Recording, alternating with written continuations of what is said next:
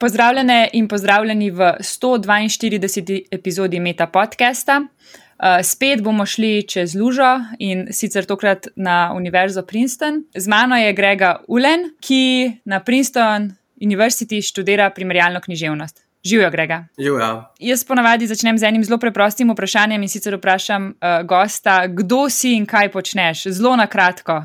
Uh, sem uh, Grega, um, doktorski študent uh, primerjalne književnosti, ki se ukvarja z recimo, kulturno produkcijo in uh, politično mislijo 20. stoletja z področja Afrike, Bližnjega vzhoda in Balkana, Jugoslavije. Jaz sem videla, da imaš ti kar zelo zanimivo akademsko pot v bistvu. Ne? Leto se zdaj v teh oddajah uh, fokusiramo tudi na, na študente in študentke, ki študirate v ZDA, ampak ti si pa že prej, v bistvu, že na prvi stopni študija odšel v tujino.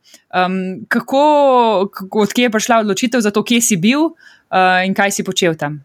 Za časa srednje šole um, na gimnaziji Vič mi je tam svetovalna delavka tedajšnja predstavila možnost um, študija na New Yorkski univerzi Abu Dhabi. Ne, to je podružnica um, New York University, se pravi uh, ameriška ustanova. In v tistem času sem jaz blazno želel oditi v širni svet. Um, in to se mi je ponudila um, odlična priložnost, ker uh, ta univerza, pravzaprav ena uh, izjemna stvar je, da uh, popolnoma financira svoje študente. Uh, ne samo krije uh, stroške šolnine, ampak tudi vse druge stroške bivanja, um, potovanja in tako naprej. Um, in druga obljuba um, tega dodiplomskega študija, ki mi je bila preprosto čarobna, je, da je to um, res uh, internacionalen študij v tem smislu, da vlaga v, v, v te ideje, recimo globalnega učenja, pa uh, globalnega državljanstva in tako naprej, ampak tudi v povezavi s tem privablja študente iz celega sveta. Ne? V mojem letniku nas je bilo mogoče okrog 120 uh, ljudi iz nekje 90-ih, 100-ih različnih držav. In uh, je bila res ena izkušnja, ki me je zelo, zelo zaznamovala in osebno, in akademsko. Kaj pa si študiral tam, že primerjalno književnost ali kakšno drugo področje? Ja, svetovna književnost se je imenoval študij. Ampak je uh, pravzaprav malo drugačen sistem, v angleščini se temu reče liberal arts, um, kar pomeni, da se ti pravzaprav ne prijaviš na en uh, osko usmerjen program, kot recimo poznamo v Sloveniji, ampak um, si ti upišeš na univerzo in potem uh, si izbiraš različne predmete in se šele kasneje v času svojega študija specializiraš. Jaz sem pa sicer ja, že, že od uh, gimnazije vedel, da želim študirati književnost. Tam sem imel tudi eno čudovito mentorico, uh, vse življensko. Profesorico slovenščine Maretko Krapeš, s katero sem, recimo, to se prav spomnim, v nekem tretjem letniku delal eno raziskovalno nalogo iz uh, književnosti, kjer sem prvič ne, lahko samostojno razmišljal in interpretiral literarne tekste, um, in se takrat odločil, da. Um, Poleg tega, da, da sem vedno rad bral, da se želim tudi profesionalno ukvarjati s tem. Um, jaz sem tudi hodila na več, ampak eh, sem glihkar ugotovila, da smo se mi dva mogla glih zamenjati. Ko sem jaz šla, si ti pa šel v prvi letnik um, če sem prav preračunala prej v glavi. um, tako da, ja, dva vičana sva se našla.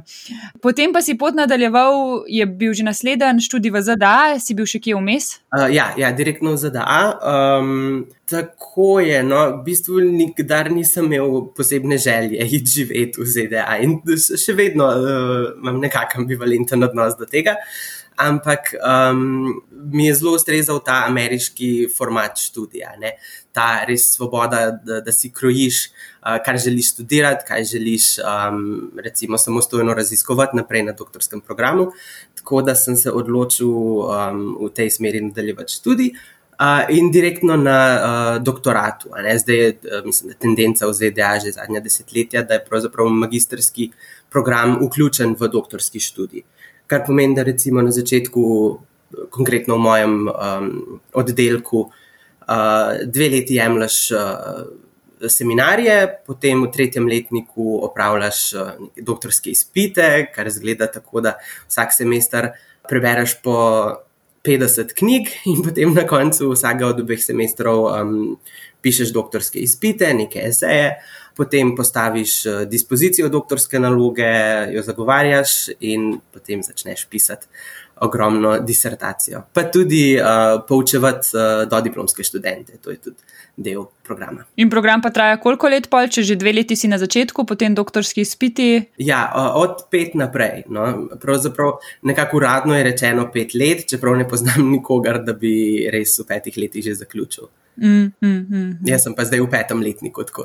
In uh, iz svetovne književnosti si pač ostal si v književnosti, v, v preučevanju tega. Prej si rekel, da, da književnost 20. stoletja na nekem območju, uh, torej greva zdaj bolj specifično. Kaj res raziskuješ, pa kaj te zanima uh, v literaturi?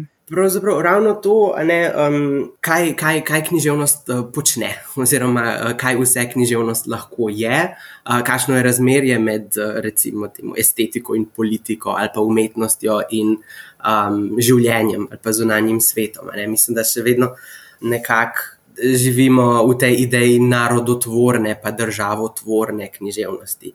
Ampak se mi zdi, da književnost uh, lahko tudi marsikaj drugega, neka ne vem, pedagoška praksa, neka spominska praksa, uh, neka vednostna praksa. Um, ne, kako, um, vprašanje, ki me zanima, je, ali lahko, oziroma kako lahko mislimo svet skozi umetnost na drugačen način, kot ga mislimo, recimo, skozi znanost ali pa filozofijo na tak način. In ali književnost tudi potem pomaga, um, da si zamišljamo in gradimo drugačne svetove kot ta, v katerem živimo. Ne? In tukaj se mi zdi res fascinanten ta. Uh, moment uh, sredine 20. stoletja, ne, ko je bila popularna ideja tako imenovane angažirane literature, ko so ljudje res verjeli, da književnost lahko nekako spremenja svet, ne, nek ta utopičen impuls. Uh, in mislim, da ravno ta moment je za me eden najbolj utopičnih v svetovni zgodovini, tudi uh, z političnega vidika. Ne? To je obdobje po koncu druge svetovne vojne, čas razpada imperijev, čas dekolonizacije. Čas razno raznih socializmov, konc koncev, ki so, ne glede na to, kaj so se na koncu izrodili, si zadali projekt uh, ne, izboljšanja sveta, oziroma zmanjšanja, končanja družbenih neenakosti, in tako naprej. Jaz bi te prekinila, prosti. Ja, meni se zdi fulj zanimivo vse to, kar si povedal, ker v tem v bistvu pišeš tudi saj v uvodu dizertacije, saj tisti del, ki sem ga, ki sem ga še kar se mi zdi, da razumela na nek način, ne, ukvarjaš se s temi idejami, um, da lahko skozi literaturo vidimo neke drugačne svetove, tudi utopijo, ne, na, na nek način, neke utopične svetove v bistvu. Um, in uh, 20. stoletje, da si si izbral, si že nekako pojasnil, usredotočil si se pa, kar si prej povedal, ne, na, um, na ta v bistvu. Eh, Balkan in pa potem dol do, um, do Afrike. Zakaj si izbral ravno to območje, oziroma ravno avtorje in avtorice iz tega uh, območja in nekje druge?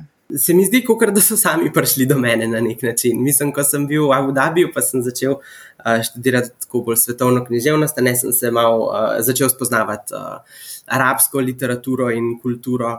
In me je res ja, zanimal ta. Um, ta čas, a ne dekolonizacije, pravzaprav te ogromne spremembe, ki so se dogajale po svetu in um, ki so bile res, mislim, prelomne v, v svetovno-zgodovinskem kontekstu. Um, in potem me je naprej pripeljalo še do Afrike. Mislim, kako sem potem, recimo, teoretsko, kako se povežejo vsa ta različna geografska območja preko um, ideje neuvrščenosti ne, ki je ki, ki politično, idejno, kulturno in drugače uh, povezovala Jugoslavijo z uh, temi regijami, in ki je um, pravzaprav ponujala ja, uh, alternative temu uh, mednarodnemu redu. Nacionalnih državic, ki, se, ki se je uh, vzpostavil uh, skozi dinamiko hladne vojne, pa ustanovitvijo Združenih narodov. In kaj mene res najbolj fascinira v, v tem momentu, je to, da so se hkrati alternative temu redu pojavljale najrazličnejše nenacionalne ureditve sveta. Ne, recimo, konec koncev, ena izmed idej Jugoslavije je bila, da um, ta ideja federacije, ideja združevanja, um, to, da se moramo povezovati glede na politični interes, ne pa razločevati glede na neke nacionalne, etnične ali pa kulturne v narekovajih razlike. In pravzaprav je bila uh, ta izmenjava teh idej, pa tudi materialnih praks, ne konec koncev, teoretske produkcije, kulturne produkcije, uh, politične misli, ogromna. Ta, pri Jugoslaviji so za idejo o federaciji črpali tudi v Zahodnji Afriki, kjer so uh, recimo v 50-ih letih. Niso zahtevali svoje nacionalne neodvisnosti. Ne? So rekli, da je to takšna samostojnost v svetu, v katerem živimo, kjer eh, dominira globalni kapitalizem, je lažna ali pa recimo zgolj formalna. Ne. So rekli, mi hočemo uh, obdržati te povezave, ki nam jih nudi francoski kolonialni imperij, ampak. Uh, ga popolnoma transformirati, ne, popolnoma reformirati razmerja moči, decentralizirati um, odločanje, demokratizirati politiko, in tako naprej. Uh, in te neke utopične ideje, ki se nam danes zdijo res um, kako bi rekel, za lase privlečene, ker živimo v svetu, ki so ga zacementirale, vse te razne uh, nacionalne, nacionalni okviri. Se mi zdijo res uh, super in, uh, kako bi rekel, primeren čas, da se vrnemo k razmisleku o uh, teh alternativnih političnih ureditvah, v času, ko se še vedno na mesto spajanja živimo v drobljenju uh, sveta. Mhm. No, in, in mogoče samo da zaključim, da se navežem nazaj na književnost. Ne pravzaprav, kako nam lahko uh, književnost pomaga si zamišljati uh, take svetove, ne kako lahko skozi književnost um, pravzaprav. Um, Kakšno vlogo ima književnost v tej uh, utopični domišljiji? Ne? Ne, da, da pravzaprav velikrat uh, imamo idejo, da umetnost posnema svet, ampak uh, kako lahko bolj uh, kompleksno razumemo to razmerje med umetnostjo in življenjem. Točno to sem te v bistvu želela zdaj vprašati z naslednjim vprašanjem. Ne? Na nek način si se navezal na zelo veliko zgodovine, ti pa preučuješ književnost, ki je kot si zdaj sam rekel, ne, na nek način ali je opisovala to zgodovino oziroma ideje, ki so bile takrat, ali si je skušala celo jih nadgraditi te ideje, pa dejansko nekako približati ljudem nek svet, v katerega bi lahko šli, pa pač zaradi drugih razlogov nismo šli. Ja, jaz trdim, da oboje. Um, da pravzaprav, recimo najbolj uh, ukvarjam se ravno z realizmom, kar je mogoče vem, za koga paradoksalno, ker smo se vedno učili, da realizem pa res samo reproducira svet, naravo okrog nas, tista cankarjeva krilatica, um, mrtev aparat. Ampak. Uh, Se mi zdi, da um, ravno na periferijah, recimo, svetovnega kapitalističnega sistema, ko te različne kulturne forme pripotujejo v drugačne družbene okoliščine, tudi um, prizamejo drugačne, um, kako bi rekel, idejne vloge. In se mi zdi, da realizem uh, v teh različnih kontekstih deluje na tak način, da hkrati kritizira obstoječo uh, realnost in že nastavlja zametke, recimo, neke boljše prihodnosti. Ne, s tem, ko kaže uh, upor ljudi proti ne, um, obstoječi ureditvi, ali pa ko recimo si zamišlja neko družbenost, neko kolektivnost, ki v resničnem svetu lahko ali pa tudi ne, zares obstaja. In um, še mogoče eno vprašanje glede tega, kako sploh poteka tvoje delo, kako nekdo, ki preučuje na področju uh, primerjalne književnosti, to počne. Videla sem v dizertaciji, ti si, si izbral nekaj del uh, iz, tega, iz tega območja, iz tega časovnega okvira. Uh, kako potem analiziraš ta dela in Ja, v bistvu mislim, eh, vedno sem veliko bral. Um, potem pa sem si pravzaprav zbral tudi uh, knjige, ki so mi zelo blizu, ki so mi všeč. To se mi zdi tudi zelo pomembno uh, poudariti, da velikrat ljudje pač študirajo nekaj, kar ne vem, je mogoče v modi ali pa kar se jim zdi, da je, bi mogla biti tista prava tema, da si potem tako lepo poštirkan uh, akademik. Kako jih analiziraš? Pa mislim recimo na, na več nivojih, ne tako znotraj teksta samega, kot, uh, kot recimo poskušam razmišljati o vlogi teksta v svetu. To pomeni, ne, recimo, kakšne so, kaj na ravni oblike ali pa literarne forme, ne, kaj pomeni, da imamo, ne vem, tretje osebnega pripovedovalca v nekem ideološkem pogledu. Ne, recimo v enem od romanov ali pa v nekaj, kar nekaj romanih, s katerimi se ukvarjam. Ne, ta funkcija tretjega osebnega pripovedovalca oziroma nekega. Um, Ne, ne izoliranega, individualnega pripovedovalca.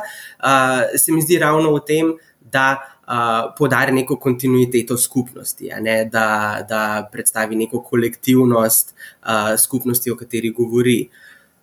Recimo, se mi zdi, ali pa recimo, kako razmišljamo o uh, literarnih osebah, likih, uh, karakterih. Uh, in, in kako nam to pomaga uh, razumeti recimo, različne ideje humanizma, različne ideje človeškega in človeštva, ki so jih te pisci uh, s katerimi se ukvarjam, ne spremenjali, glede na dediščino evropskega liberalnega humanizma in tako naprej.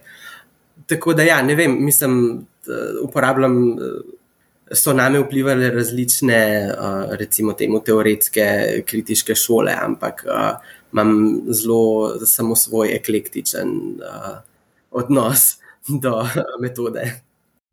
Zdaj pa še zadnje vprašanje za ta prvi sklop, mogoče, ki bo pa zdaj izhajal res iz moje lastne radovednosti. In sicer um, ne vem, če poznaš, jaz sem full fanica enega podcasta, ki se imenuje Flash Forward.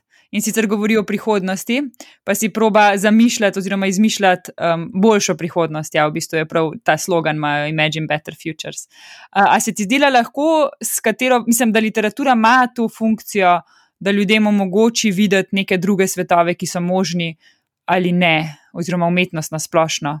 Ja, mislim, kratko bi rekel, da, da obstaja ta možnost. Se mi zdi, da problem je pa tudi v, v recimo, zgodovinskih okoliščinah, v katerih živimo, ne? da je umetnost nasplošno zelo komodificirana, poblagovljena. Um, da ne vem, mislim, mogoče je to malo grobo rečeno, ampak da, da, da, da premalo razmišljamo o, o književnosti, da vse prehitro rečemo. Uh, ja, ne vem, aha, zdaj pa smo najdeli en roman iz vem, Afganistana, pa ga beremo antropološko, zdaj pa nas zanima, kaj, kako pa ti ljudje zares živijo. Meni se, ja, men se pravzaprav glih ta im, imaginativna funkcija književnosti ali pa umetnosti um, zdi absolutna prednost, ne, v primerjavi ravno z pač nekimi bolj pozitivističnimi uh, metodami razmišljanja. Ja, pa kar se mi tiče, recimo, ravno to vprašanje prihodnosti, mi je res uh, blazno zanimivo in, in ponuja, predstavlja eno teoretsko zagato. Kaj, kako, kako pravzaprav um, si predstavljati nekaj, kar še ne obstaja, Ne, če si želimo en nek, uh, eno neko radikalno razliko od tega, o čemer smo zdaj, kako, kje sploh črpati za to, in, um, in kakšne potem reprezentacijske tehnike ali pa recimo metode imamo za to. Recimo, meni se zdi, da, da način, kako razmišljamo o prihodnosti, je dominantno skozi, skozi idejo otroka. Ne, to je uh, ena uh, tematika, s katero se tudi ukvarjam v disertaciji. Pravzaprav temelj vsakršne politične misli je ravno v tem, a ne po tej, mislim, uh, znanem ideološkem sloganu za otroke gre. Ne, ki, ki ga uporabljajo, se mi zdi tako, če bi temu rekel. Um, Ne vem, progresivna kot konservativna gibanja. Vedno je, vedno je ideja, da um, bodi si restriktivnih, uh, recimo uh, socialnih reform, bodi si uh, nekih uh, bolj progresivnih, uh, revolucionarnih idej, je pogosto v tem, da ja, hočem boljše življenje za svoje zanamce. Meni se pa zdi, da bi ravno, ravno to figuro otroka kot predstavnika prihodnosti morali spremeniti. In se mi zdi, da, da vrsta teh romanov, ki sem si jih izbral, uh, vsebuje ta element, da pravzaprav rečejo, da prihodnost hočemo zdaj. Ne, ne bomo čakali nekaj generacij, da se, da se svet za dosti spremeni. Hočemo zdaj delovati in pripeljati boljši svet uh, ta moment. Ali se spomniš kakšne zabavne ali zanimive anekdote povezane s svojim mentorjem, ali pa morda kakšne nenavadne, smešne anekdote, ki se je zgodila tekom tvojega raziskovalnega dela v sklopu doktorata? Ja, jaz imam enega mentorja, ki je um, uh, en, res ena čudovita oseba in mislec, um, ki se je rodil in odraščal v Keniji. In potem, ko se ukvarjam, ne, z, z, pa pišemo Jugoslaviji, pa o neovrščenih.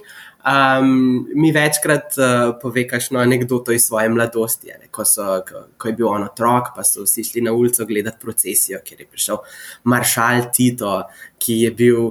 Po tem znanem sloganu, prvi belec, ki ni prišel v Afriko, a ne z, z nekim paternalističnim, rasističnim odnosom. Čeprav um, to tudi ni povsem resno, ampak um, o tem, da je drugič. Ampak jaz nimam z Jugoslavijo nobene osebne izkušnje. Sem rojen leta 93. Uh, In ravno to mi je bil zanimiv problem, ne? ko sem začel hoditi po svetu in spoznavati ljudi, najrazličnejše, tako recimo vrstnike iz, iz uh, naše regije, ne? iz Srbije, iz Bosne, s katerimi konec koncev imamo eno pomembno skupno zgodovino, od katere smo zdaj ta mlajša generacija popolnoma odrezani. Popolnoma odrezani od uh, sorodnih jezikov, uh, ki jih govorimo. In uh, tudi z tega vidika mi je, bila, um, mi je bilo zanimivo raziskovati ne, uh, predzgodovino. Moje sedanjosti. Um, ali pa, ko hodim po svetu, pa rečem, da sem iz Slovenije, redko kdo ve, kje to je ali kaj to pomeni. Ko pa rečem, bivša Jugoslavija, je pa vsem tako jasno, koliko je ura. Kako so se od opisa do danes spremenila tvoja pričakovanja glede doktorskega študija in ali bi se ponovno odločil za doktorski študij? Um, ja, za doktorski študij bi se ponovno odločil. Zdaj, um, v tem času uh, se je veliko spremenil, mislim, absolutno. Um, za vse v našem COVID-nem ali pa post-COVID-nem ali kako koli rečemo temu času. Trg dela se absolutno krči, financiranje se krči. Hkrati pa še ena stvar, ki je zelo specifična za ZDA, ne za to uh, korporativno, profitno univerzo. Uh, ne, se zdi, da se vse več ukvarja z nakupovanjem nepremičnin, kot pa z nekimi bolj klasičnimi, ne vem, pedagoškimi izobraževalnimi cilji. Neenakosti dohodka naraščajo, vse bolj ogromna birokracija se ustvarja, in tako naprej. Hkrati pa tudi se pričakuje od študentov in profesorjev vse več. Če je še nekaj desetletij nazaj si pač ti bil doktorski študent in si študiral in pisal svojo disertacijo, moraš zdaj hkrati še poučevati do diplomce in uh, moraš uh, pisati članke, moraš objavljati v um, strokovnih revijah, uh, moraš izoblikovati svoj življenjepis. Uh, Moraš že imeti pogodbo za eno ali pa dve knjigi, do časa, ko napreduješ v neko profesuro. Tako da uh, se mi zdi, da vsekakor ja, se spremenja in, in, in um, objektivne okoliščine, in to, kako razumem, recimo, zdaj to akademsko industrijo od znotraj. Ampak vseeno pa si ne predstavljam, da bi kaj drugega počel kot to. Če bi imel priliko iti na kavo s predsednikom vlade, kaj bi mu predlagal, da izboljša na področju znanosti? Vse. um, mislim, da ja, tukaj spet ta moj uh, utopični impuls. Se mi zdi, da, da vsekakor bi morali pač temeljito premisliti, ne?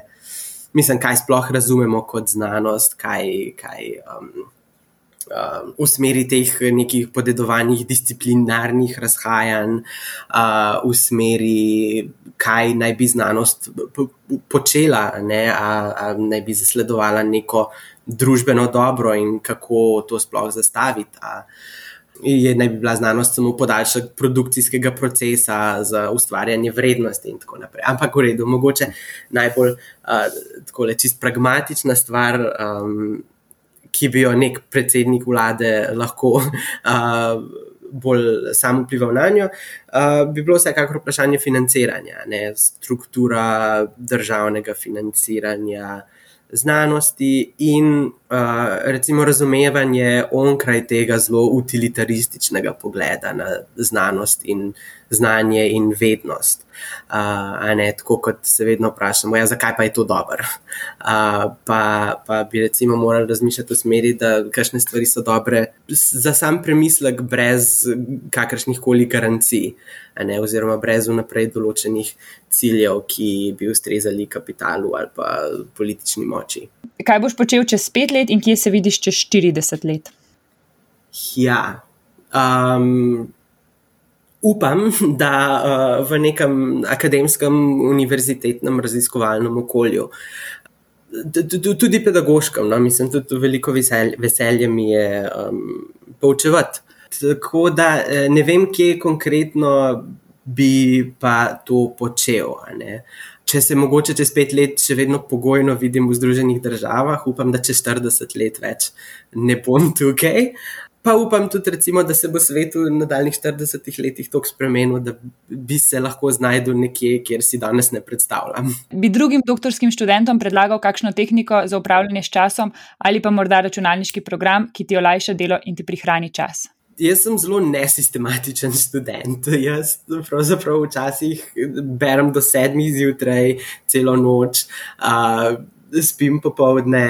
Um, Se zaprem v stanovanje za en mesec, pa samo pišem svojo disertacijo. Po drugi strani kupujem zelo neekonomično vse knjige, ki jih hočem brati v fizični obliki, ne na zaslonu. A, tako da sem mogoče zelo slab primer teh razno raznih tehnik, a ne kako najbolje študirati, kako najbolje delati. Ampak kar bi predlagal drugim, je ravno to, da pač. Mora vsak ugotoviti, kaj mu ali pa ji najbolj ustreza, in uh, zaupati v to, ne, in se ne pustiti prepričati, da obstaja samo en način, kako um, biti uspešen. To je odličen nasvet in hvala, uh, hvala, Grega, da si si vzel čas. Hvala tebi. Meta podcast z doktorskimi študentkami in študenti ter podoktorskimi raziskovalkami in raziskovalci je del projekta Slovenian Scientists Around the World, Where Our Ships Are in the USA, ki ga v okviru programa NGO Small Grants sofinancira veleposlaništvo ZDA v Sloveniji. Poslušali ste Meta podcast, v katerem se pogovarjamo z mladimi znanstveniki in znanstvenicami z različnih področji znanosti. Podcast domuje na spletišču metinalista.si, kjer najdete tudi druge zanimive znanstvene vsebine.